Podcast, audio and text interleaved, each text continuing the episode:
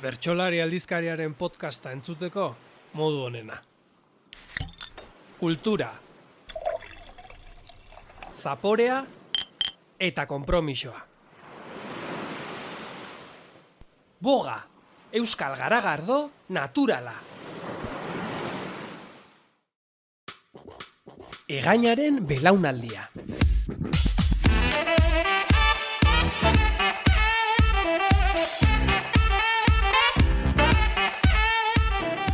Bertsolaritzan lurrikara eragin zuen belaunaldi baten pasadizoak eta gogoetak. Gaur, Jon Sarasua. Orain gogoratzen hasita, esango nuke Lizardi bana geneukala saietzen artean andon eta bilok. Bere forfiesta gorrian, saioetara bidean bersolaritzaren norabideaz jarduten genuen sasoi hartan. Poesiaren formaz bezala Euskel egunkaria egiteko proiektuaren aurrekontuaz arduratzen zen idazle gerentearen moduko hartxo bat, nork bere erara. Bata mutiko bizargabea zen kanpo itxuraz eta besteak gizonezkon berria. Baina konexioa gero eta voltaje handiagokoa. Denborarekin elkarri gauza handirik frogatu beharrik ez genuen, baina tarteka gustatuko zitzaigun beste apur bat liluratzea. Arrisku desasolaren plazerra zen partekatzen genuen jolasetako bat, eta adibidez, gidak baimenik gabe urteak egin zituen handonik. Ez dut gogoan galdua edo iraungia zuen gida baimen hori. Gauerdi batez, iruñean saioa eginda etxeratzeko sartu gara haren kotxean. Gida baimenik ez noski. Eta e, gaueko ordu txikitan, e, gure zauztarrak norabide bekatu hartu iruñeko aldezarrean. Parean tokatu behar eta delitu gaitu ba, udaltzainak. El permiso de conducir, por favor. Andonik, segundu amarren batzuetan eskua sakelera eraman du. Gida baimena ateratzera balioa bezala. Eta bitartean bestelako gauzekin okupat, okupatu ditu udaltzainaren neuronak. Somos vesolares y hemos tenido una actuación en el ayuntamiento, se nos ha hecho muy tarde y no conocemos Pamplona y estamos bastante perdidos. ¿Puedes decirnos cuál es la forma más eh, siempre de salir de, de, de hacia San Sebastián? Udaltzainak galderari helduta azapel, azalpen guztiak eman dizkigu besoa luzatuta. Adeitzu eskertu du andonik. Barkatu dio ark kontrako norabidearena eta batez ere astu zaio gida baimena eskatu ziola. Bagoaz. Jokaldiaren xehetasunak azaldu dizkit.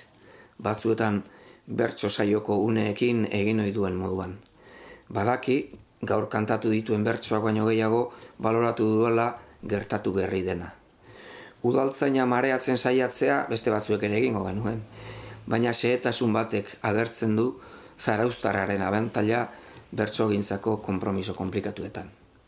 Eskua sakelera eraman du.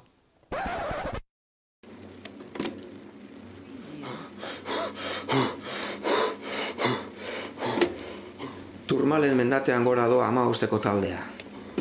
Han eta hemen inguratutako mailotez jantzita. Peña da emozionatunetakoa, eta horrexegatik bere maitagarrian serioen doana.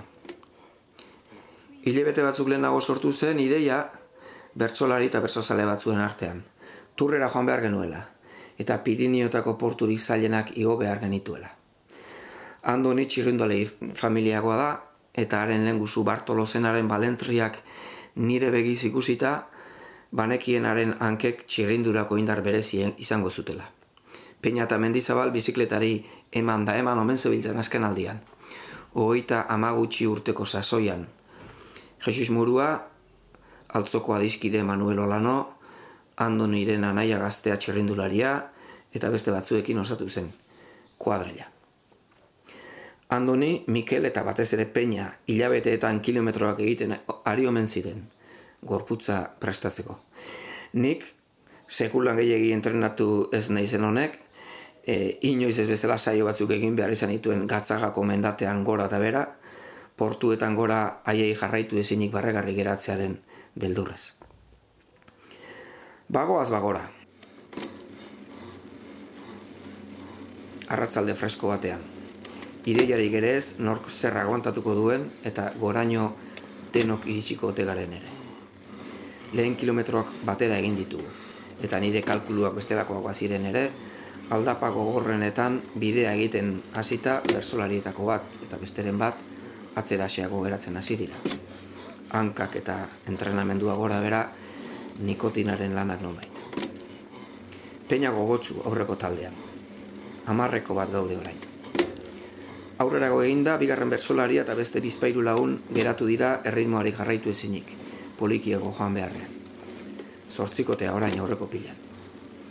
La Monje inguru sonatuan nire harridurarako Jesus bera, bere zimelean eta besteren bat apurat atzerago geratu dira. Aurrerakoa hemen ez dio inork, inori itxoiten dena beharrean goaz, aldena egiten da, etenik ematen ez duen aldapa behar honetan. Boskotea geratu gara aurrean. Alako batean, peina juistu dogala iruditu zait. Juistu deno jango gara juistu, baina ura eh, ezinean. Minutu baino lehen esan du arnasan umaitetik bilduta. I, i, batea! Denok batea jumerdi hau!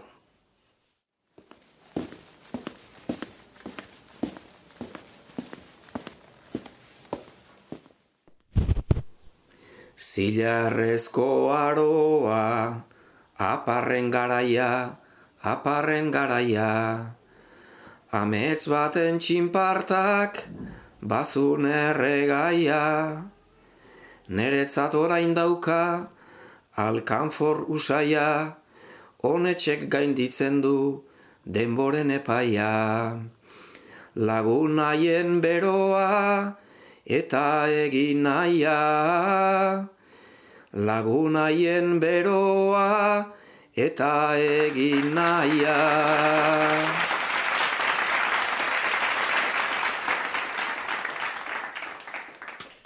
Egainaren belaunaldia.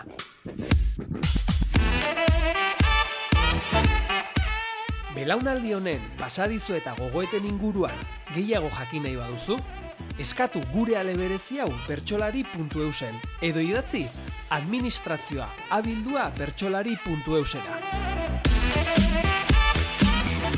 Ondo segi,